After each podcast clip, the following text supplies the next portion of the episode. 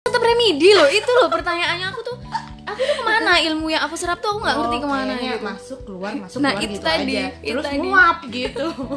Bener banget makanya aku aduh aku menyerah deh kalau berhubungan sama kimia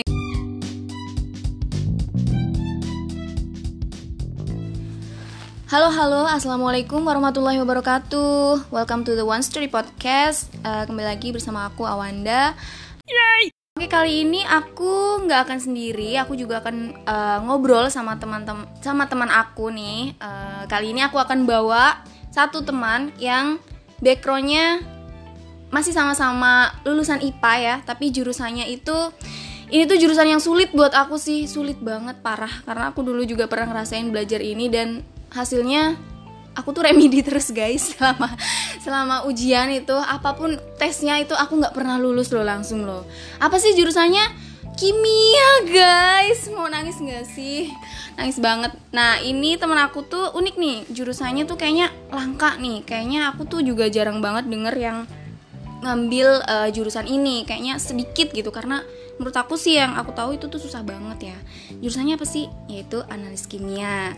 Nah siapa sih bintang tamu kita kali ini? Cie bintang tamu cie. Eh, teman aku nih namanya Septianti. Aduh namanya panjang susah juga diinget loh guys. Aku lupa. Pokoknya Septi lah gitu ya jurusannya analis kimia halo Sep. Apa kabar? Selamat datang. Hai hai. Apa kabar? Baik. Aku sih baik. Kamu nanya aku apa? Nanya penonton. Oh iya, Eh, penonton. pendengar nih. Nanya-nanya eh, ininya aja hostnya hostnya aja. Aja kalau hostnya mah baik selalu. Kan kamu lihat setiap Oh, hari. iya. kita nih kayak orang jauh ya. Ya pura-pura aja lah. Namanya pencitraan biasa ya kan? Iya, iya nih. Eh gimana nih? Belum bisa mudik. Gimana rasanya sih? Ya satu tahun berasa tertekan. Oh my god. Rasanya sudah menumpuk. Satu tahun coy. Iya. tahu nggak sih guys rumahnya di mana? Dia tuh di Banyuwangi loh dari ujung Banyuwangi ke ujung di Tangerang. Satu tahun lamanya nggak pulang. Aku sih udah nangis darah ya karena aku aja dua bulan nggak pulang udah meronta-ronta dan aduh ya ampun ini satu tahun loh bayangin. Terus gimana dong eh, setelah new normal ini ada rencana mau pulang? Berani atau enggak jawabannya sih enggak ya kita sadar diri aja di rumah itu kan orang tua Benar. kita tuh masih muda tuh kebanyakan carrier gitu. Kita nggak tahu apa yang terjadi ya mending sabar-sabar aja lah dulu lah di benar sih sini. benar. Walaupun dalam hati tuh menangis ya. Ya banget. Banget banget banget banget. Karena tiap hari gila ini bu. Gila banget ya ampun. Kita tuh udah bosan udah nggak ngerti mau ngapain lagi tuh sebenarnya Iya, ya kan. tapi ya udah tahan aja lah ya demi eh, kemaslahatan. Banyak ya orang banyak bener. orang bener banget. Ya udah. Eh, Sep aku tuh mm, pengen nanya-nanya nih tentang kamu kan jurusannya tuh waktu kuliah kan analis kimia ya nggak sih iya bener banget kuliahnya di mana sih kalau boleh tahu aduh kuliahnya ini deket kok di PB doang IPB cuy Setahu aku tuh ya, aku tuh setahu aku yang namanya IPB kan Institut Pertanian Bogor ya. Aku tuh Iya. mikirnya tuh itu jurusannya tuh cuma ada yang pertanian-pertanian doang gitu loh. aku juga gitu sih mikirnya Iya ya. iya Jadi orang-orang tuh juga pahamnya tuh kayak gitu, Iya, tapi bener. ternyata enggak ya. IPB tuh banyak jurusannya. Ha- ke- kayaknya hampir semua bidang dia itu ada Hampir semua. Jadi kayak misalnya ekonomi pun ada. ada Loh, baru tahu guys aku. Iya, Sepertinya sama. aku kolot sekali.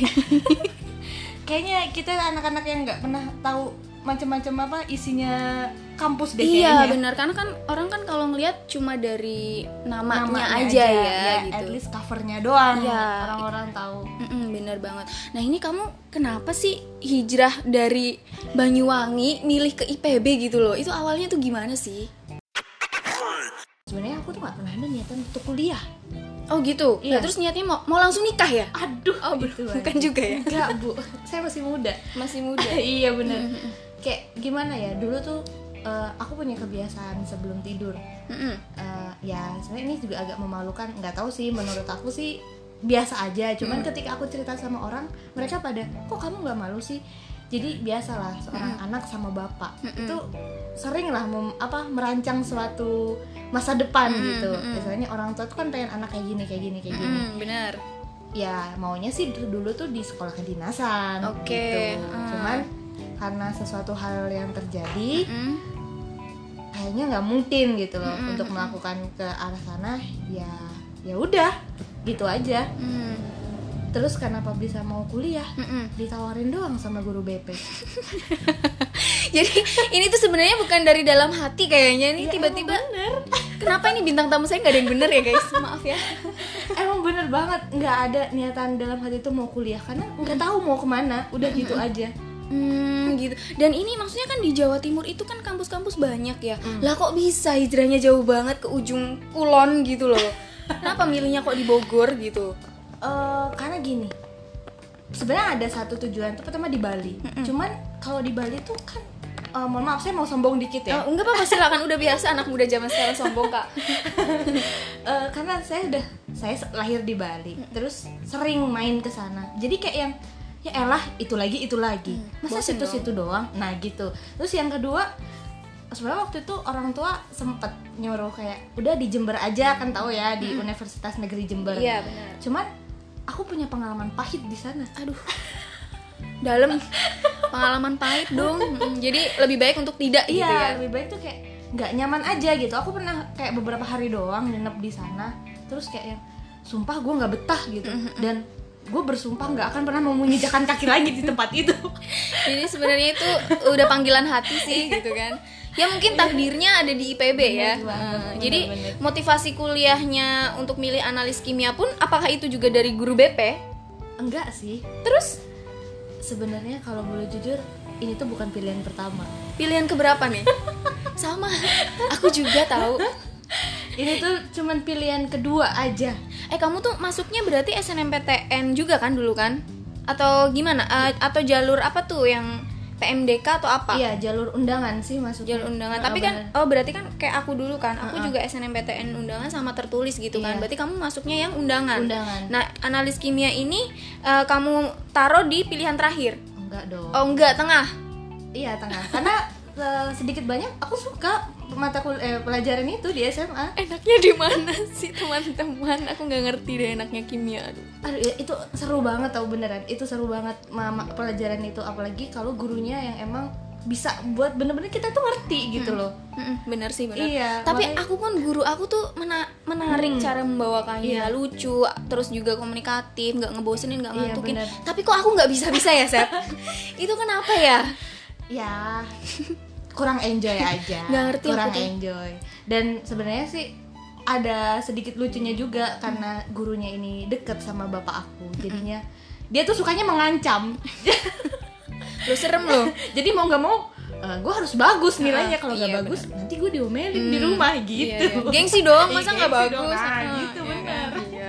Ya juga sih. Ya ampun, aku tuh sampai dulu tuh les, tau gak sih? Aku tuh sampai les loh. Tapi tetap remedi loh. Itu loh pertanyaannya aku tuh.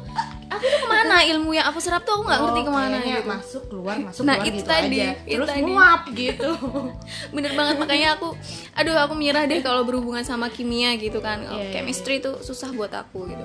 Nah terus nih setahu aku ya Hmm. eh, jurusan kimia tuh kan ada banyak nih, ada yang analis kimia lah, teknik kimia Hmm. Iya. lah, atau kimia murni. Itu tuh tiga-tiganya tuh apa sih bedanya? Apa yang bikin analis kimia tuh unik dari yang dua lainnya itu gitu?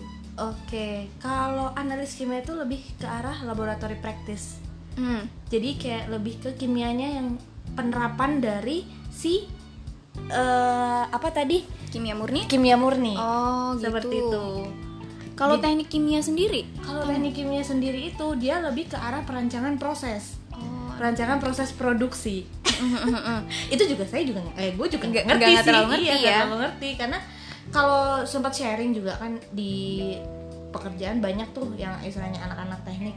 Ya memang rata-rata mereka itu ya perancangan proses untuk manufaktur seperti itu. Kimianya mah sedikit gitu. Hmm, jadi kalau kamu kamu sama kimia murni itu hampir, hampir mirip gitu. relevan. Ya cuman ibaratnya kalau apa namanya eh, di analis tuh 60 persennya kita bener-bener praktek di Oh, lab iya. tapi kita hanya materi itu hanya 40 persen Oh, at least kebanyakan 40 persen itu pun kebanyakan gue tidur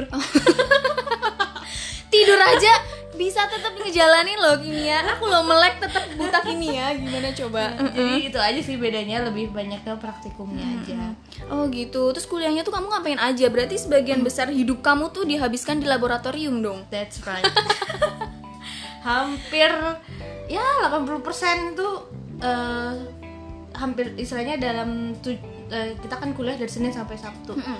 itu hampir kayak enam hari. Eh berapa sih? Senin sampai Sabtu tuh 6 ya? Eh, coba Iya, dihitung aja sendiri ya. Berarti kayak lima harinya itu kebanyakan emang kita praktikum. Oh ya ampun. Aduh itu aku nggak bisa bayangin sih kalau harus ngabisin waktu tuh di lab gitu tuh gimana rasanya iya Oh dan God. satu kali praktikum tuh 4 jam. Oh, oh. Terus kamu ada berapa banyak praktikum ya kalau semisal ada 8 mata kuliah biasanya dia itu ada enam praktikum yang harus dijalani setiap satu semester Oke, terima kasih. Saya mau ditawarin juga nggak mau lah pokoknya, ya kan? Iya, soalnya aku juga denger tuh temen aku ada juga yang kimia murni gitu kan. Mereka tuh kayak yang eh, sering banget ngabisin waktu juga di lab gitu kan. Terus kayak apa sih kayak kalau mau pakai lab gitu antri gitu juga nggak sih? Suka ganti-gantian gitu nggak sih? Enggak ya? Oh pakai labnya Heeh. ya iyalah Iya ya. lab itu mahal bu Oh gitu ya. iya jadi wajar istilahnya paling kampus tuh paling banyak lima laboratorium tuh udah dan itu pun kan untuk semuanya untuk bareng-barengan Iya ya, bukan Iya. cuma jurusan kimia Nah, aja gitu benar. ya. karena Oh, memang pantes. beberapa jurusan yang istilahnya ada materi kimianya dan ya kita nggak mau ya gantian aja gitu Hmm, begitu ternyata. Terus kalau analis kimia itu kamu berarti ngambilnya tuh D1 eh D1, D3, S1 atau kamu udah langsung S2 nih? mampus S2 kayaknya otaknya nggak nyampe kalau S2 Nyampe lah nyampe, bisa someday. iya someday Amin. amin amin amin ya Allah Mm, mm, mm. Eh, kalau analis tuh dia nggak ada S1 Oh dia nggak ada S1, Nggak ada. berarti paling mentok memang D3 aja. Iya, D, D3 dan emang untuk terapan untuk ke S1-nya eh, kalau dibilang kan kimia terapannya itu memang belum ada. Mm-mm. Itu makanya eh, rata-rata untuk analis kimia itu paling banyak sih memang D3. Oh, terus kalau misalnya kamu tuh pengen lanjut kuliah lagi sampai Hmm. jenjang S1, itu jurusan apa yang relevan yang akan kamu ambil gitu? Banyak. Oh banyak, apa banyak aja? banget. Bisa kita masuk ke farmasi, Hmm. kita bisa masuk ke lingkungan, Oh gitu. kita bisa masuk ke kimia murni, kita bisa masuk teknik kimia, kita bisa masuk teknik industri. Oh, baru tahu loh ternyata analis kimia Bener. itu bisa eh, menyebar ke Ke mana-mana, semua, eh, iya. hampir ke banyak jurusan banyak gitu banget ya. bisa juga ke manajemen karena memang eh, yang dipelajari di apa analis kimia tuh banyak banget kadang malah berpikir ini gila ya kayak semua istilahnya kayak eh, semua kita pelajari. Atau Iya. orang mau kerja apa kalau semua kita per- pelajari? Itu gitu kan? Otak kamu nggak meletus ya? Kebanyakan yang masuk ke dalam otak masih normal aja nih sampai sekarang. oh udah biasa sih sebenarnya kalau sekarang. Kalau awal-awal tuh berat kalau dibilang berat berat. Cuman kayak lama-lama ya udahlah gitu aja datang kerjakan pulang lupa gitu aja nggak usah pusing-pusing Inilah kalau namanya udah suka ya guys, mau diapain aja juga tetap enjoy gitu kan. Nah kamu ada rencana nggak mau lanjut S1 uh, Ada. ke depannya? ada Mau ngambil apa? maunya sih tetap di kimia terapan ya Kimia terapannya tetap ya. heeh. cuman eh, waktu itu sempat dengar-dengar kalau di PB tuh bakal buka gitu untuk D4 nya karena jujur eh, kalau untuk harus ke cross ke kimia murni Ya. aduh gue nggak sanggup Loh ini aja nggak sanggup. Tiba-tiba nggak sanggup Aduh, dia. karena eh, rata-rata itu kalau untuk lulus di kimia murni sendiri tuh minimal ya lima tahun lah Oh. kalau untuk teman-teman banyak sih cerita kalau internet yang mereka lulus tepat waktu itu kayaknya otaknya udah Bener-bener yang banget itu encernya tuh iya. udah sampai meluber ya. Banget udah sampai tumpah itu otak itu karena rata-rata kayak gitu gitu loh Gak ngerti juga sih kan ada apa dengan jurusan ini tuh. Ya ada, ya ada kamu di situ. jadi kayak apa ya suges ke kita sendiri gitu loh. Iya sih, bisa jadi itu. bener Hmm.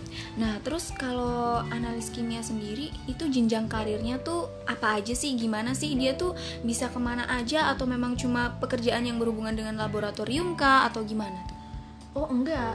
Dia itu banyak banget. Seperti yang udah aku jelasin tadi istilahnya dia itu bisa masuk ke mana-mana karena yang kita pelajari itu nggak cuman laboratorium praktis doang gitu karena manajemen laboratoriumnya juga kita pelajarin Hmm. jadi istilahnya seperti auditor Oh iya. itu kita auditor. juga pelajarin Oh, jadi auditor itu bisa jadi mereka juga lulusan analis Iya, kimia dong. bisa gitu. jadi. Oh, gitu. auditor itu kan nggak butuh sekolah Mm-mm. karena auditor tuh cuma butuh pelatihan aja Aku juga sebenarnya nggak butuh sekolah loh.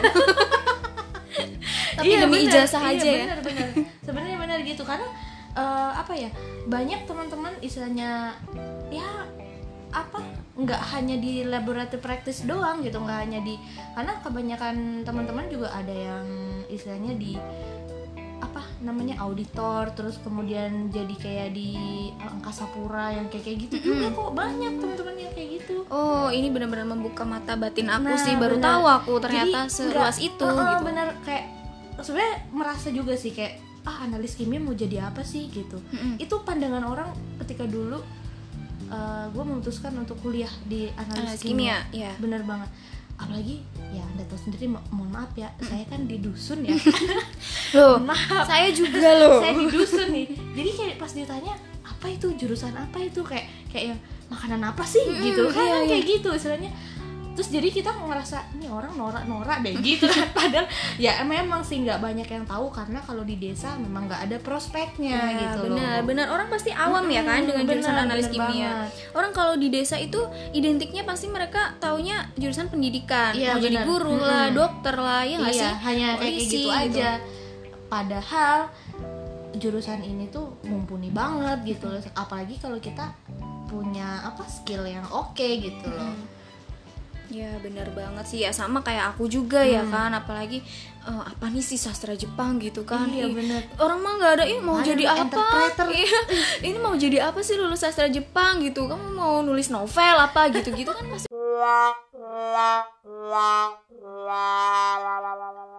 terus kalau teman-teman kamu sendiri tuh ini kebanyakan mereka eh, pekerjaannya itu sangat linear dengan jurusan mereka atau banyak yang melenceng juga kayaknya 60-40 persen deh 60-nya melenceng apa linear nih? linear ya Oke. 60-nya 40-nya melenceng. 40-nya melenceng Melencengnya tuh ke mana? Kebanyakan pada ke bank gitu-gitu masuk juga nggak sih? Eh, ini yang perlu kayaknya harus aku kasih tahu juga Mm-mm. kayak eh, IPB itu terkenal banget julukannya Apa tuh? Institut Perbankan Bogor Oh, julukan baru guys, baru pernah dengar.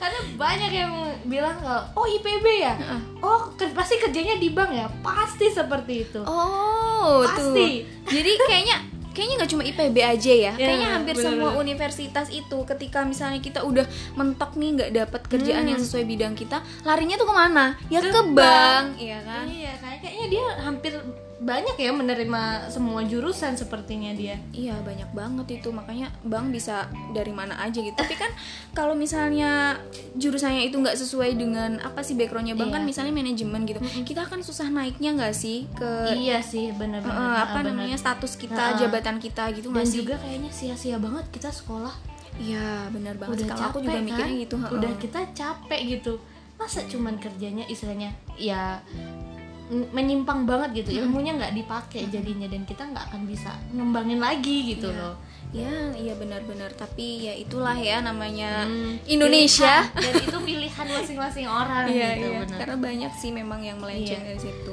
Nah, ini kamu selama kuliah gitu, kamu Hmm. ada sih ada nggak sih eh, pengalaman yang nggak terlupakan gitu? Selama kamu kuliah entah itu yang mengesankan lah lucu atau horor atau sedih atau gimana gitu? Atau misalnya kamu nangis pas sidang atau gimana gitu? Eh, pengalaman mengesankan tuh sebenarnya ini tuh pengalaman kita semua ya kayaknya. Itu di semester berapa? Lupa semester 4 mungkin. Waktu itu gue masih ada di eh, istilahnya anak anak-anak tengah gitu. Ya at least kita punya adik kelas dan kita punya senior. Mm-mm. dan di hari itu inget banget di hari Jumat dan itu di kelompok gua juga. Kenapa tuh? Kenapa tuh?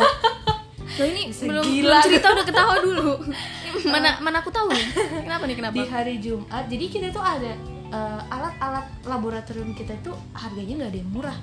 Oh iya jelas jelas benar-benar jadi ada satu alat yang Mm-hmm. dia tuh kayak akuarium modelnya dan kayak dari kaca doang. Eh, kita nyebutnya chamber ya istilahnya. Eh, apa namanya? Itu nggak sengaja pecah dong. Bahan kimia yang kayaknya tuh di tangan tuh licin. Jadi kayak ketika kena air Mm-mm. licin aja. Mm-mm. apalagi kaca gitu. Iya iya dan wastafel kita kita kan pakai wastafelnya bukan wastafel yang kayak biasa di rumah tangga ya Uh-huh. wastafel kita kan beda jadi Uh-uh. agak dia sedikit lebih keras juga istilahnya Oh. biar eh, nggak kena apa nggak gampang rusak gitu loh bangunannya Iya. kalau kena bahan kimia itu udah nanya mawar kita bantuin ya kita yang pegangin kamu yang nyuci dan dia dengan songongnya bilang nggak usah aku aja sendiri terus kita berdua kayak yang oh ya udah. Nah udah tuh. Kan biasa kalau setelah praktikum kan kita kayak discuss aja ya Iya. sama sama kakak-kakaknya juga sama kakak apa asdosnya. Terus eh ya udah nanti istilahnya kita biar cepet kerjanya lo kerjain ini lo kerjain ini nanti kita kerjain ini bareng-bareng kayak gitu aja. Dan tiba-tiba perang. Dia memecahkan itu. Kita semua langsung diem dan nengok dia kita abis itu cuma celingak celinguk kanan kiri kanan kiri. Bayangin aja itu mahalnya. harganya itu kalau nggak salah sekitar 8 juta. Hmm. lumayan loh akuarium 8 juta guys. Itu itu padahal kecil banget. Kayaknya apa ya seukuran nggak nyampe itu. Seukuran akuarium kecil juga nggak nyampe. Kayaknya cuman panjang 20 cm ya kayaknya itu. Hmm. gila itu kita langsung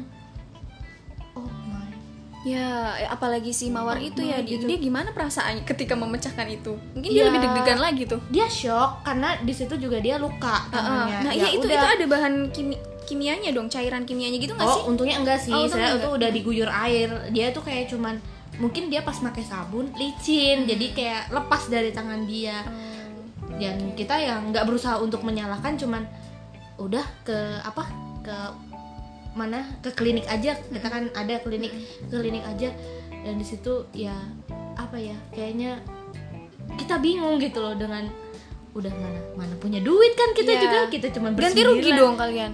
enggak Enggak. mau Iya. karena Oh, iya kita buat seorang mahasiswa itu uang yang sangat menguras kantong, guys. banget lah. Apalagi istilahnya karena itu harganya mahal banget kan jadinya kita harus patungannya tuh ya satu angkatan kan. Oh my god, ya nggak apa-apa ya. Itu jadinya kekompakannya terlihat di situ.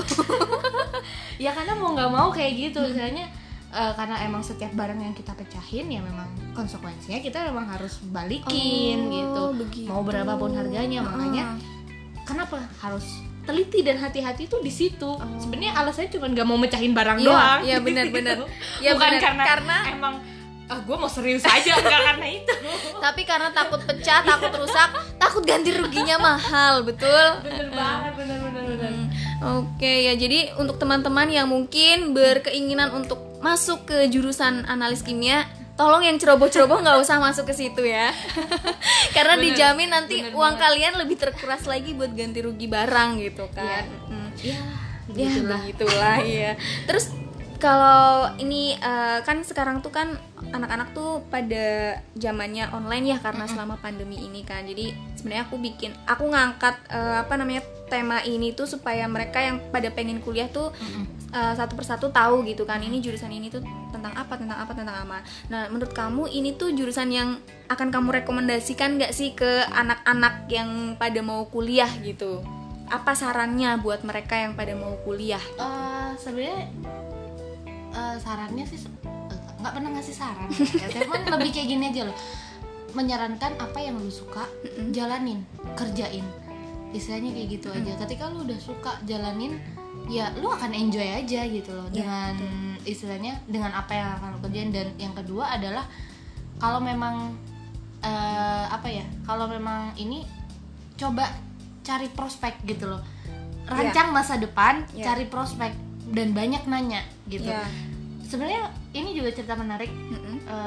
gue nggak pernah merekomendasikan apa pun ke saya adik gue Mm-mm. cuman nggak tahu kenapa. Mm-mm. adik gue sendiri ngambil teknik ini ya. Nah tuh, kayaknya ini sekeluarga suka sama eh, ini zat kimia semuanya ya kan.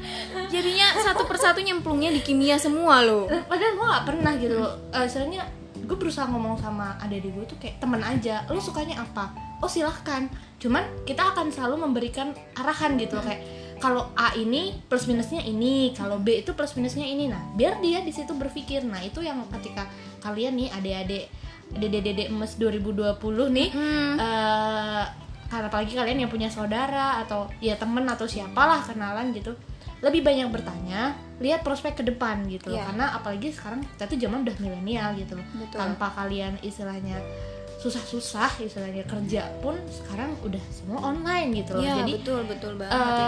kayak jurusan ini pun sebenarnya manfaatnya banyak banget gitu apalagi Hmm. di zaman yang orang harus bikin desinfektan Ya. hand sanitizer Oh iya kayak benar gitu. benar benar. itu bisa kalian bikin sendiri dari bahan-bahan rumahan Jadi selama pandemi ini kamu bikin hand sanitizer sendiri juga dong? iya Lah, itu tuh guys. Siapa yang mau yang kekurangan hand sanitizer mungkin bisa pesan ke eh, Mbak Septi ini ya, bisa membuat sendiri dengan tangannya sendiri gitu kan. iya kita di pabrik kita bikin sendiri loh hand sanitizer kita pakai pakai sendiri Salah satu bukti nyatanya itu adalah hand sanitizer gitu tadi.